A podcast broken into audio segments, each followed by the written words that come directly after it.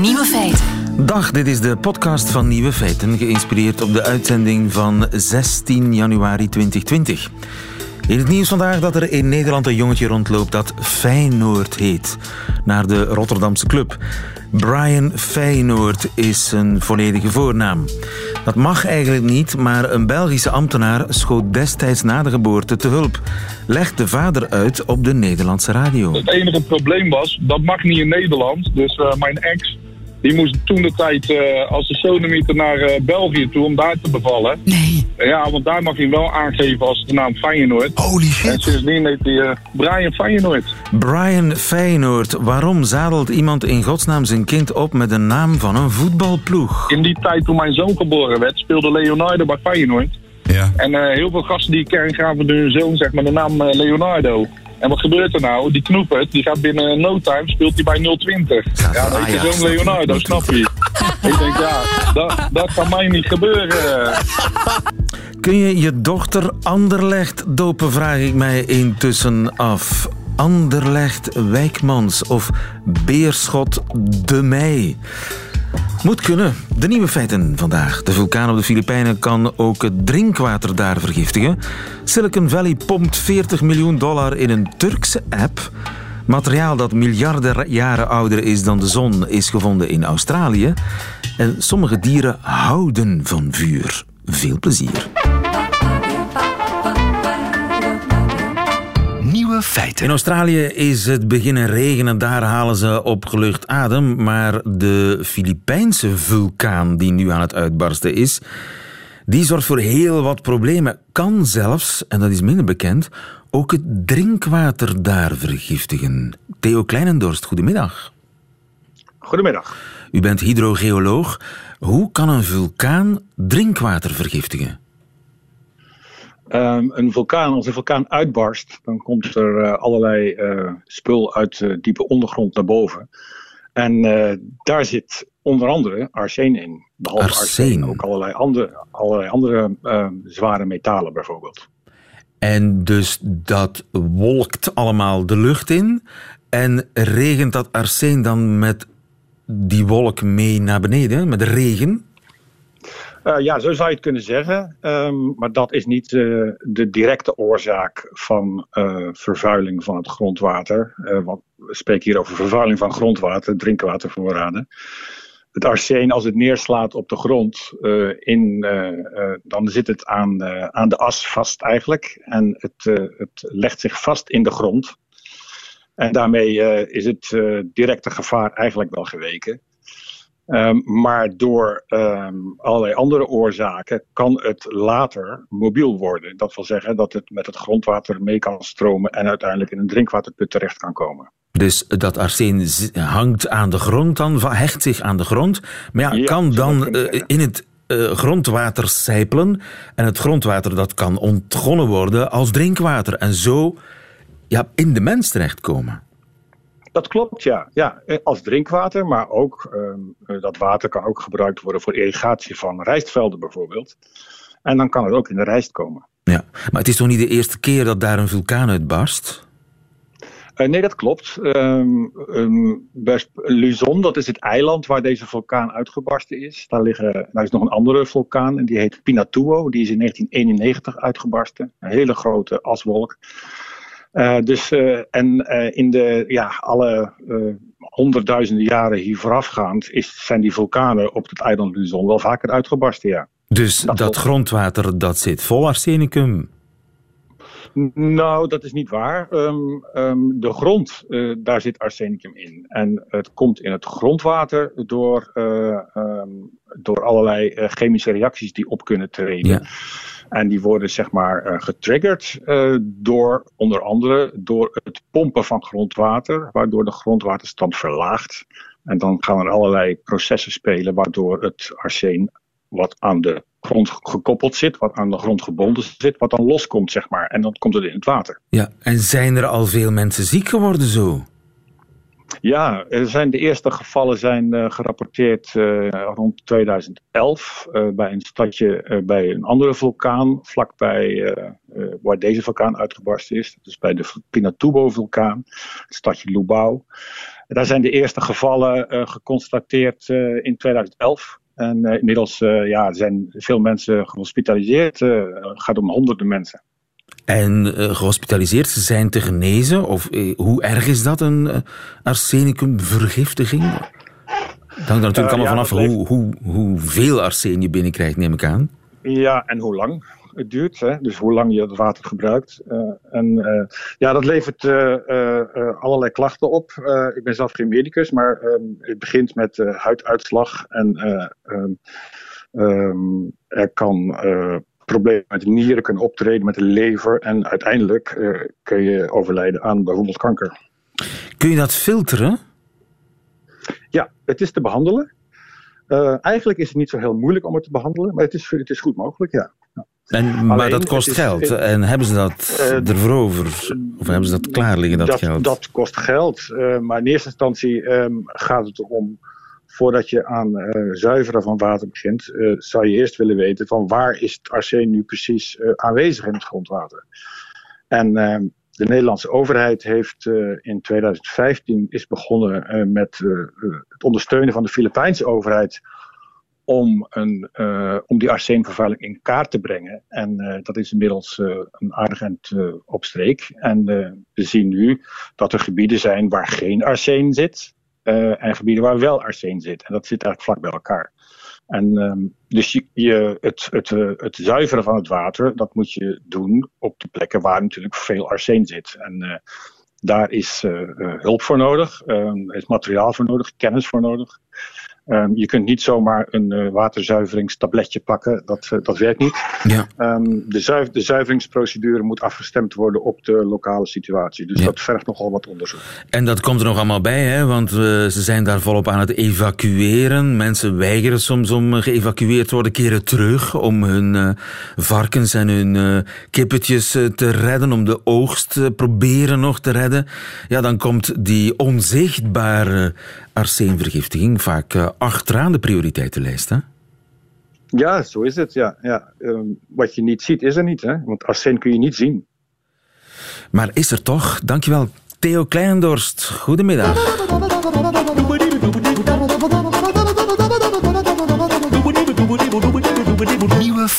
Ja, u vindt zichzelf al een uh, hippe vogel omdat u per Deliveroo uw vegetarische pasta met extra zeewier laat leveren.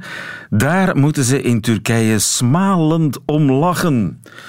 Want daar hebben ze namelijk het nieuwste internetsnufje uitgevonden. Dat heet Getir. Olaf Koens, goedemiddag. Ja, dag lieve, goedemiddag. Olaf, jij woont tegenwoordig toch in Istanbul, hè? Ja, zo is het. Ik heb uh, op een hoop plaatsen gewoond. Vroeger in Rusland, uh, een tijdje in Israël, tegenwoordig in Turkije en Istanbul. En ik moet zeggen, dat is uh, de beste keus geweest die ik in lange tijd heb gemaakt. het is een hele prettige stad en alles gaat hier razendsnel. Zoals Getir. Wat is Getir eigenlijk? Nou, Getir is, het, het is Turks voor brengen. Dus het is een soort delivery service. Daar zijn er veel van. maar dit is de snelste. En ze zijn zelfs zo snel dat ze beloven binnen 10 minuten alles bij je thuis te brengen. Beloven. Als je nodig hebt. Ja, het komt niet altijd zo uit, maar ze zijn echt razendsnel. Uh, sowieso gaat alles hier vrij snel. Maar deze online bezorgservice, ja, uh, ik heb wel eens gehad, lieve, ik was een pasta aan het koken. Toen had ik de pasta al in het water gestopt. Toen dacht ik, oh, ik ben de Parmezaanse kaas vergeten. Nou, klik, klik op de app en zoep, nog voor de pasta gaar is, komt er iemand het langsbrengen, die Parmezaanse kaas. Ja, dat is uh, te gek. Dus dat is een kwestie inderdaad minder dan 10 minuten dan? Ja, dit was heel snel, ja. ja. En een minuut of zeven. Hoe doen ze dat? Want uh, Istanbul, ik stel me daar iets heel heksenketelachtigs bij voor. Klopt, het is een hele grote, hele chaotische stad. Uh, maar het is ook een stad met heel veel uh, supermarktjes, uh, buurtwinkeltjes. Die allemaal ja, niet ver om, bij om de hoek zitten. Hè. Het is niet zo dat je hier hele grote supermarkten hebt op industrieterreinen, zoals wij dat kennen. Um, je hebt heel veel kleine buurtwinkeltjes. En heel veel jongetjes die heel erg snel rijden op brommers. Ja, 1 en 1 is 2 heeft deze start-up gedacht. Dit maakt ja, toch echt wel de snelste start-up die ik ooit heb gezien. En het is speciaal voor, bedoeld voor dingen die je heel snel nodig hebt. Wat kan dat dan bijvoorbeeld zijn? Behalve Parmezaanse kaas. Ja, liever. Dat heeft een mens snel nodig in dit bestaan. Uh, ja, uh, wat ze vaak. Uh, het zijn een beetje de, de helden van de stad, hè, deze jongens op hun brommertjes. die komen alles bezorgen wat je nodig hebt. ze kunnen ook drank komen bezorgen als je dat nog snel nodig hebt. Het kan ook zo zijn dat je ineens behoefte hebt aan voorbehoedsmiddelen komen ze ook gewoon brengen in no time. Het komt voor dat je daar behoefte aan hebt. Oh, Plotseling, onverwacht. Zeker, die, die behoefte bestaat en daar vervullen deze mensen uh, een markt in. Ze krijgen ook wel aardige fooi hoor, deze jongens. Uh, dus uh, daar wordt, uh, mensen willen er ook graag voor werken. Want ja, het is een soort. ja, het is alsof je een soort butler hebt. Hè? Wordt wel gezegd. ja, je drukt op een knop en het wordt bezorgd. En het is met heel veel dingen zo in Turkije. Zoals de, de adellijke dame in haar kasteel even aan een belletje trekt. En er komt iemand iets brengen. Zo snel gaat ja, het. Bijna. Bijna wel. Het is ook iets, uh, je ziet hetzelfde met thee. Hè? Turken houden natuurlijk ontzettend van thee, drinken heel veel thee. Nou, uh, ik kan bij wijze van spreken nu mijn raam open doen. Ik zal het eens doen trouwens. En ik als zo, als, We maken nu live mee hoe Olaf Koens een raam open doet in Istanbul. Ik, ik, zie, ik zie hem niet bij, maar ik zeg, chai! Hey, Amin, chai! Dan schreeuw ik twee keer, op. grapje. uh, dan kan je zo schreeuwen, dan komen ze thee brengen. Oké. Maar dat is dan de analoge versie van Git hier.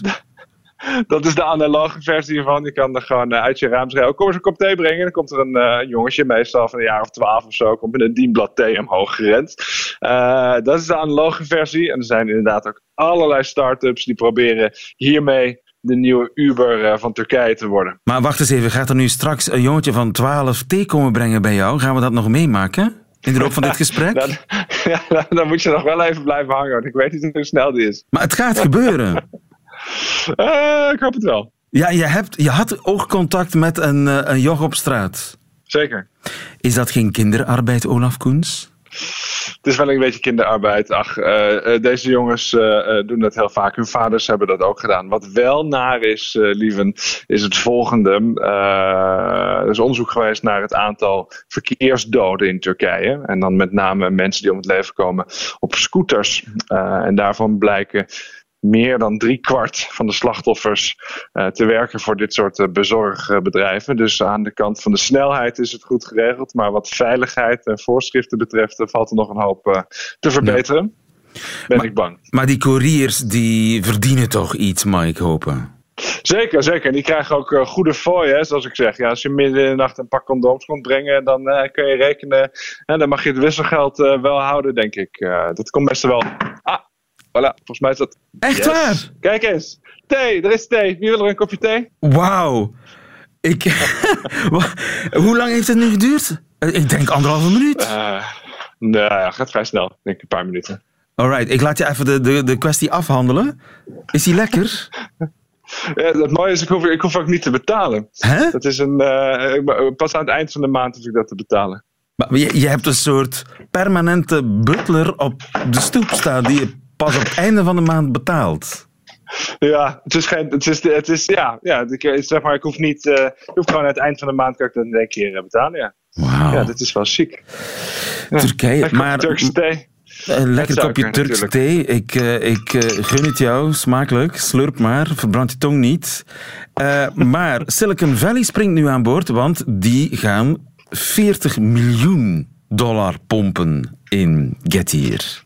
Ja, blijkbaar. Uh, ik had daar niet zo snel zo'n groot bedrag uh, in gestopt hoor. Want als je die, die oude scooters ziet waarmee ze voorbij rijden, dan denk je: wauw, dit is, uh, dat lijkt wel heel ver weg van Silicon Valley. Bovendien gaat het niet zo goed met de Turkse economie. Maar ja, blijkbaar zien ze er markt in en brood. En moet dit de nieuwe Uber worden? Maar ja, wat ik al zei, er is, valt toch wel het een en ander te winnen aan veiligheidsvoorschriften. En dat is ook echt zo. Ik loop hier over straat met mijn kinderen. Ja, als ik een scooter hoor aankomen, dan grijp ik ze al uh, bij de jas of bij de arm om ze van straat te halen. Want je wordt echt van je sokken gereden door die dingen. Ja, door iemand die condooms gaat brengen of parmezaanse kaas, waar het erg nodig is. Precies, uh, yoghurt, uh, wat je maar wil hebben. Gewoon de boodschappen of andere dingen. Ik moest vandaag een papiertje, een document brengen naar de andere kant van de stad. Nou, ja, dat is ook met een app. Twee klikken, het is gedaan. Ja, wij denken Turkije uh, lopen een beetje achter, maar ze zitten in de voorhoede van de internetsnuffen. Zeker, in ieder geval als het om snelheid gaat. 40 miljoen pompt Silicon Valley in de Turkse app Getir. Ik wens je nog een, een fijne voortzetting van het kopje thee. Olaf Koens, Merci, dankjewel. Tot een volgende. Dankjewel. Nieuwe feiten. Radio 1. In Australië is er iets gevonden dat ouder is dan de aarde zelf. Ouder ook dan de zon. Katrien Kolenberg, goedemiddag. Goedemiddag. U bent uh, sterrenkundige. Wat is het dat ze gevonden hebben? Ze hebben gevonden een, een meteoriet. Er is, er, is, een meteoriet, dat is een brokstuk uit de ruimte. Is gevallen 50 jaar geleden in Australië. Eigenlijk is die ontploft boven Australië en er zijn brokstukken teruggevonden en die meteoriet wordt nu al jarenlang bestudeerd. Maar heel recent is er een studie gebeurd waarbij ze kleine korreltjes uit die meteoriet hebben geïsoleerd en die gaan bestuderen zijn, want die korreltjes bevatten zeer puur sterrenstof. Sterrenstof, wat is sterrenstof? Sterrenstof is materiaal dat afkomstig is van sterren. En in zekere zin zijn wij zelf ook gemaakt uit sterrenstof. Maar het sterrenstof waar we het hier over hebben, is dus sterrenstof dat eigenlijk vrij rechtstreeks komt van sterren, maar niet van onze eigen zon. Van sterren voordat onze zon überhaupt zelfs geboren werd. Ja, en wanneer dus werd onze zon nu ook alweer geboren? ja, onze zon werd 4,6 miljard jaar geleden geboren. Dus toen is onze zon ontstaan en het zonnestelsel, de aarde, iets erna.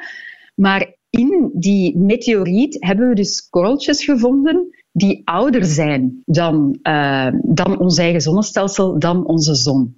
En hoe oud zijn die korreltjes? Enkele korreltjes zijn zelfs 7 miljard jaar oud. 7 uh, de meeste miljard zijn... jaar oud, zeg. ja, kan je je moeilijk voorstellen, maar we hebben dat dus afgeleid. Uh, via slimme technieken hebben we kunnen achterhalen dat de, de chemische elementen die in die korreltjes zitten, dat die zo oud moeten zijn. En dat is dus afkomstig van misschien wel een van de sterren die we s'nachts kunnen zien. Um, nee, nee. Ah. het gaat hier om sterren die uiteindelijk al gestorven zijn. Dus onze zon is een ster die pas ontstaan is nadat onze kosmos al een tijdje bestond. Er zijn vorige generaties van sterren geweest.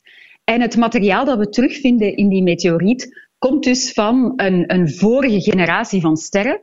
Sterren die eigenlijk hun ganse leven al hebben doorlopen en dan gestorven zijn en het materiaal dat zij hebben gemaakt in de loop van hun leven hebben teruggegeven aan de kosmos. En dat materiaal vinden wij nu terug in die korreltjes, in de meteoriet. En dus uh, het heelal, daarin zweven stofjes rond, afkomstig van sterren die niet langer bestaan. Inderdaad, ja. Dus het gaat hier om sterren die uh, vijf miljard jaar geleden gestorven zijn en die dan op het einde van hun leven hun materiaal hebben teruggegeven aan de kosmos. En eigenlijk onze zon is ook ontstaan uit zulk materiaal, uit een wolk die werd gerecycleerd uit gestorven sterren, als het ware. En misschien zijn wij zelf ook zo gerecycleerd. Absoluut, wij zijn helemaal zo gerecycleerd. Dus het materiaal waaruit wij gemaakt zijn, het koolstof in ons lichaam, het bloed in onze aderen, de lucht die we inademen, is eigenlijk allemaal gerecycleerd stermateriaal is materiaal dat is gevormd in sterren. Dus wat we eigenlijk op die meteoriet hebben aangetroffen, die 50 jaar geleden is neergestort in eh, Australië, is een van de aller, allerbelangrijkste bouwsteentjes van het leven zelf. Mogelijk wel, ja. Want dus die, in die meteoriet zien we sterrenstof in de meest pure vorm. We zien dat dat sterrenstof, ja, er zit zelfs stof bij dat 7 miljard jaar oud is. En ons zonnestelsel is gevormd uit zulk materiaal. Nu is het ook zo dat in die Murchison-meteoriet zien we ook organische verbindingen. Zien we aminozuren. En aminozuren zijn de bouwstenen van het leven. En als we ons de vraag gaan stellen van hoe is het leven hier op aarde eigenlijk ontstaan? Uh, we zijn al, al een tijdje bezig met die vraag. Dan zijn er wel bepaalde hypotheses die zeggen van misschien zijn er wel bouwsteentjes van het leven naar de aarde gebracht vanuit de ruimte, namelijk door inslagen van meteorieten. En een, een voorbeeld zoals de Murchison-meteoriet, die wel pas 50 jaar geleden viel, uh, ja, geeft ons daar aanwijzingen toe. Want het zou kunnen dat dat gelijkaardig uh, fenomeen zich voordeed miljarden jaren terug. En dat dat dan een soort zaadje was dat op de aarde werd geplant en dat een, een soort bron was voor het ontwikkelen van het leven. Ja, en zie ons hier nu zitten praten. Hè? Dankjewel, Katrien Kolenberg. Ja. Goedemiddag. Dankjewel. Dank je. Nieuwe feiten. Radio 1. Je zou het zo niet zeggen als je die vreselijke hartverscheurende beelden ziet van die verkoolde kangoeroes en half verbrande koala's in Australië. Maar veel dieren profiteren eigenlijk van vuur en van brand. Hans van Dijk, goedemiddag. Goedemiddag, lieve. Bioloog in uh, Louvain-la-Neuve. Hoeveel dieren zijn er ook alweer omgekomen in Australië? Ja, dat is heel moeilijk te schatten natuurlijk. Er worden ramingen gemaakt, maar als bioloog denken we dan op twee stapjes. Het zijn er heel veel als je alle exemplaren gaat tellen. Een miljard, bij... heb ik horen zeggen. Ja, dat zijn schattingen, maar er zit een hele grote foutenmarge op. Ja. Wat voor ons van belang is, want het is erg sneu voor de dieren die uiteraard sneuvelen, zeg maar de exemplaren. Maar de ene zijn dood, kan ook de andere zijn brood zijn, zoals het spreekwoord zegt. Daar zit een biologische waarheid achter. Je hebt een aantal soorten waarvan sommige wegvallen en andere kunnen meer voedsel vinden omdat ze minder concurrentie hebben. Ja. En dan zie je dat soms een soort compensatie, een bonus zeg maar, voor degenen die overblijven is. Niet altijd, maar we zien het wel geregeld gebeuren. Geregeld, maar natuurlijk niet eh, bij zo'n uitzonderlijk inferno met al die ja, vuurstormen. Dit is echt een vernietiging van een biotoop. Hier profiteren geen dieren van, neem ik aan, van de huidige toestand. Of ja, toch? Er zijn er altijd wel die profiteren, maar het is niet om het te nuanceren of wat minder te maken. Het blijft een, een drama. Maar we kennen vuur nu die als, als ramp. Maar er is bij vuur toch ook wel een keerzijde aan die medaille, want vuur is op zich in heel wat milieus een eerder natuurlijk fenomeen. En je ziet dat een aantal soorten echt wel aangepast zijn om daarmee om te gaan. En ook al vallen ze als volwassen dieren als slachtoffer, kunnen ze toch niet allemaal, maar een stukje anticiperen. En sommige zijn er helemaal op aangepast, hebben zelfs vuur nodig om te kunnen overleven. Zoals? Er zijn, planten die, er zijn een aantal planten die één tolerant zijn. Niet als, het hangt een beetje af natuurlijk hoe intens het vuur is, hoe vaak het vuur langskomt. Want er zijn heel wat boomsoorten die een schors hebben die niet, toch niet zo makkelijk brandt. En twee, die vooral zaden hebben die heel goed tegen vuur tegen kunnen. En sommige van die zaden beginnen nooit te kiemen als er geen hoge temperaturen zijn geweest. Dus die moeten eerst even een brand passeren voordat die zaden opnieuw gaan kiemen en nieuwe planten, bomen geven. Dus dat zijn echt vuur aangepaste of brand aangepaste soorten. Dat, zijn planten, maar zijn er ook dieren die dol zijn op vuur? Eh, in zekere zin. Natuurlijk, een plant die kan niet gaan lopen, dus die moet ter plaatse een, een plan hebben eh, doorheen de evolutie. Dieren gaan meer of vaak op de vlucht. En er zijn er heel wat die zich verschuilen. Die bijvoorbeeld in burchten wegkruipen, die in, in spelonkjes of in de vegetatie kruipen. En als dat vuur niet te intens is, nu is dat wel vaak geweest, maar dan kunnen ze vaak wel overleven. Maar het helpt dan om het vuur al te detecteren voor het te laat is. En er zijn dus inderdaad prachtige dieren die een soort ingebouwde rook- of vuurdetector hebben en dat zelfs op grote afstand kunnen doen. En wat is grote afstand? 10 kilometer? 20 kilometer? Dat kan een stukje beter. Zelfs voor kleine insecten zijn kevers die op meer dan 100 kilometer kunnen detecteren dat er ergens brand is. En dan op 100 kilometer. En ze hebben op dat kleine keverlichaam wat ze in de neem, ze heten vuurkevers. Ze hebben detectoren staan dat ze infrarood, dus warmte kunnen detecteren van op meer dan 100 kilometer en vliegen ze naar die brand toe. Ze vliegen de meeste dieren gaan weg. Ja, ja, ja, ze doen het omgekeerde. Dus de meeste dieren gaan proberen te vluchten. Weg van het gevaar. Maar je hebt er dus een aantal die dat vuur of verbrande vegetaties nodig hebben en net eitjes gaan leggen in afgebrande bomen. En ze hebben die nodig en ze vliegen overal rond. En normaal is dat een zeldzaam fenomeen. Dus als op een grote afstand ze het geluk hebben dat er brand is, want voor hen is het belangrijk, gaan ze daar meteen naartoe vliegen. Maar ze hebben dus kleine receptoren die warmteverschillen van op hele hoge of hele grote afstand kunnen detecteren. Dat is echt fenomenaal. Dus zonder verbrande bomen geen nieuwe vuurkevers, want ze hebben die nodig voor hun eitjes. Ja, ze, leggen in, ze gaan op zoek naar, als dat hout dan al door dat vuur is aangetast, zit die structuur is wat aangetast en voor hun larven die dat gaan opeten is dat uh, ideaal. Dus ze hebben een soort uh, veganistische barbecue van doen om hun ontwikkeling tot een goed einde te brengen. Dus je ziet dat en dat betekent evolutionair gezien dat vuur brand regelmatig in een aantal biotopen voorkomt op die evolutionaire schaal. Want anders zie je dat soort aanpassingen natuurlijk niet ontstaan als het alleen uh, ellende is. Ik neem ook aan, roofdieren uh, hebben het ook makkelijk. Hè? Want ja, al hun prooien komen uh, klassikaal uit het bos gerend. Ze hebben het, ze hebben het voor het oprapen, bij wijze van spreken. Ja, ja dat, dat, klopt. Je hebt dus tijdens het vuur zelf, zijn er een aantal die een hachje moeten redden. Maar je ziet dat een aantal roofdieren die de prooien proberen te grijpen, maar ook insecteneters. Je hebt een aantal vogels die die vuurlijnen gaan volgen, omdat nogal wat kleine dieren, de prooien voor de roofdieren en de insecten voor de insecteneters, proberen te ontsnappen en dan een beetje roekeloos op vlucht gaan of wegspringen. En zij profiteren daarvan om zeg maar de grote barbecue van te maken en goed te kunnen smullen. Dus opnieuw, dat ene zijn dood is de ander zijn brood. Principe zie je daar wel opnieuw weer in, in, in actie komen. Ja. Zeg, maar er zijn toch dieren in camouflagepak die, die groen of bruinig zijn. En dan plotseling ja, de... is, is de vegetatie afgebrand. Heb je een zwart geblakerde omgeving. Sta je daar in je camouflagepak?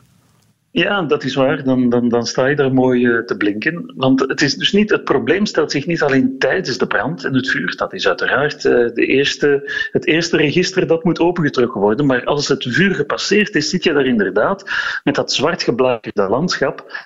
En dan zie je dat het soms, als je het al overleefd hebt, het vuur, dan ben je vaak nog een makkelijke prooi, omdat je makkelijk op dat zwarte decor in het zicht valt. Als je normaal gecamoufleerd bent om in een groen decor niet op te vallen, je hebt groene kaki-kleuren en dan, dan zit je daar. Maar ook daar zien we weer een aantal mooie. Is het soort een vlammende Darwin die daar zeg maar evolutionair in actie treedt. Je ziet bij een aantal insecten en springkanen zijn er mooie voorbeelden van. Zie je dat onder natuurlijke omstandigheden er pikzwarte uh, varianten, het is binnen dezelfde soort hoor, pikzwarte tot lichte grijze, bruine en je hebt verschillende varianten. Normaal zijn die pikzwarte varianten, dat is een genetische vorm, is die zeldzaam. Minder dan 8, 9 procent maar in de populatie. Na zo'n brand zien we dat die veel beter overleven, omdat die dan net goed gecamoufleerd zijn, die zwarte rakkers. En die zie je dan niet goed zitten op dat zwart geblakerde gras of, of struiken. En dat zijn een soort springkanen? Ja, ja, ja. Zeggedorentjes. Dat is een soort, en dat is werk dat in Europa gedaan is hoor, want er wordt veel vuurbiologie gedaan in Australië, maar ook andere delen van de wereld zie je dat nu en dan brand eigenlijk een, een, een stukje natuurlijk fenomeen is. Dus hier is het die interactie met de menselijke bedrijvigheid uiteraard. Ja. Maar je ziet dus ook in Europa soorten die aanpassingen hebben aan zwart geblakerde omgevingen en een tijdje dan heel goed boeren. Na een paar jaar na de brand zie je dat die zwarte rakkers weer minder worden hoor. Ja. Maar ze kunnen een tijdje profiteren van hun, hun donker uiterlijk, omdat ze dan net minder opvallen op die zwarte achtergrond. Ja. Dus je zou kunnen zeggen dat er zoiets bestaat als ecologische bosbranden. Ja, de keerzijde van die vuurmedaille is dat vuur ook heel wat diversiteit kan teweegbrengen. En dat in de loop van de evolutie vuur eigenlijk ook een generator van diversiteit is geweest. En afhankelijk van de omstandigheden nog is. Je moet weten, lieve, dat men zelf spreekt over pyrodiversiteit. Pyrodiversiteit? Pyromanie? Ja, pyrodiversiteit? Ja, we kennen de pyromaan, maar er is ook vuurbiologie, dus pyrodiversiteit, een aantal soorten die echt wel afhangen, direct of indirect, van het fenomeen vuur, omdat dat natuurlijk variatie brengt in die omgeving. Niet op die grote vernietigende schaal zoals we het nu gezien hebben, maar op kleinere schaal met een zekere frequentie zorgt dat opnieuw voor diversiteit, biodiversiteit. Maar is dat nu uh, een manier om met iets meer optimisme naar het, huidige inferno in Australië te kijken? Of zeg je, Australië heeft daar niets mee te maken, het inferno daar? Dat is echt biodiversiteit nee, gone wrong. Ja, natuurlijk, want op, op, korte termijn, op korte schaal, waar ik over spreek, zijn evolutionaire patronen. Op korte schaal is dat dramatisch natuurlijk. Want hetzelfde kan je zeggen, kijk, er zijn heel wat soorten die zich aangepast hebben aan moras en nattig leven, maar als we hele grote overstromingen hebben, ja, dan zijn die ook, ook weg. Goed. Ja. Extremen zijn uh, vaak problematisch, maar bovendien, en dat zien we wel, zijn de verwachtingen wel dat vuurproblemen vaker, frequenter gaan voorkomen, onder andere of in belangrijke mate met klimaatverandering. En dat is opnieuw een, een brandbare cocktail, want als het lang droog is, dan zie je dat je veel meer brandbare vegetatie hebt. En in Australië zijn er ook leefgebieden die normaal vochtig zijn en heel moeilijk brandbaar zijn, die nu toch gebrand hebben omdat ze heel kurkdroog werden. En dan zie je dat die in negatieve impact ja, toch weer de, de bovenhand haalt, zeker over, op, op korte termijn.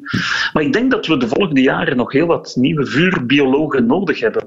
Want niet alleen de boeiende kant, maar ook de problematische kant zal toch wat meer onder de loep moeten genomen worden. En daar valt nog heel wat over te leren. De wereld verandert voortdurend. Hans van Dijk, dankjewel. Goedemiddag. Dag. Lieven van den Houten. Daarmee heeft u ze gehad, de nieuwe feiten van 16 januari. Alleen nog die van Johan Terrein heeft u te goed in zijn middagjournaal. Nieuwe feiten. Middagjournaal. Beste luisteraar. 30 jaar geleden werd de Belgische Improvisatieliga opgericht. Ik was toen meer dan nauw betrokken. Ik belde namelijk heel acterend Vlaanderen af met de vraag of men mee wilde doen. Dat ging toen nog over de vaste lijn. Veel acteurs gaven niet thuis en daarom ging ik het zelf maar proberen. Sta me toe dit middagjournaal te gebruiken als een lofrede aan de bil. Hoewel, ik ben niet zo goed in lofredes. Ik heb dan het gevoel dat ik wel overdachte zinnen van drie A4'tjes moet aflezen, terwijl ik liever improviseer. Ik herinner me nog goed de improvisatiescène die mijn leven heeft veranderd. Dat wist ik toen nog niet, maar dat kan ik nu terugblikkend wel met enige aplomb beweren. We zeggen en schrijven 1990. Het plaatsdelict is de Brusselse discotheek Mirano, waar de beeld toen nog zij aan zij met de Ligue d'Impro Belge wedstrijden improviseerde. Ik stond midden in de speelring, alleen. De scheidsrechter las de titel en de speelduur voor. Van alle markten thuis 19 minuten. 19. Ik wist meteen dat ik niet alleen maar wat grapjes moest uitkramen. Ik moest een verhaal maken en openstaan voor alle impulsen die op mij afkwamen, alert blijven in het moment. Het publiek besefte hoe spannend dat was en bleek vol genade. 19 minuten later was het verhaal rond en mijn leven veranderd. Terugblikkend weet ik nu beter dat het leven zelf ook, in het beste geval, een hele lange improvisatie is je weet nooit wat er op je afkomt en er bestaat geen scenario dat je kan volgen. Kinderen opvoeden, improviseren. Een probleem oplossen op het werk, improviseren. Zowat elke conversatie is improviseren geblazen, anders zeg je een tekst op. We moeten zo vaak improviseren dat het zelfs raar is dat we er ons niet beter in bekwamen. Want als je dan toch moet improviseren, waarom dat niet doen als een professional? De research is al gebeurd door ettelijke generaties acteurs en muzikanten. Je moet het alleen nog maar transformeren naar je eigen leven en werksituatie. Wie zich goed traint, slaagt erin om zonder vastgeroeste patronen te blijven werken, om opportuniteiten te spotten, om te vertrouwen op eigen kunnen, ook al is het terrein onbekend, en onbevreesd op onderzoek te gaan. Kwaliteiten die we deze dagen alsmaar meer nodig hebben. Dat heeft de impro mij als jonge man cadeau gedaan. Nu, 30 jaar later, ben ik nog altijd dankbaar voor die ervaring. Van alle markten thuis. Je zal het maar meekrijgen als titel. Het is geen improvisatie van 19 minuten, maar ondertussen een van 30 jaar geworden, met vallen en opstaan. Daarom bij deze een middagproost aan alle spelers, durvers en ontdekkers.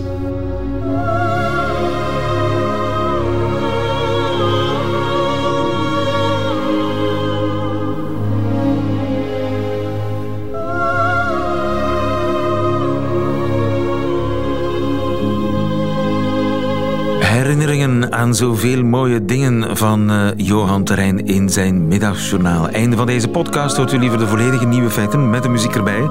Dan kan dat natuurlijk via onze app, de Radio 1-app of onze site radio1.be, waar u nog veel meer podcasts vindt. Tot een volgende keer.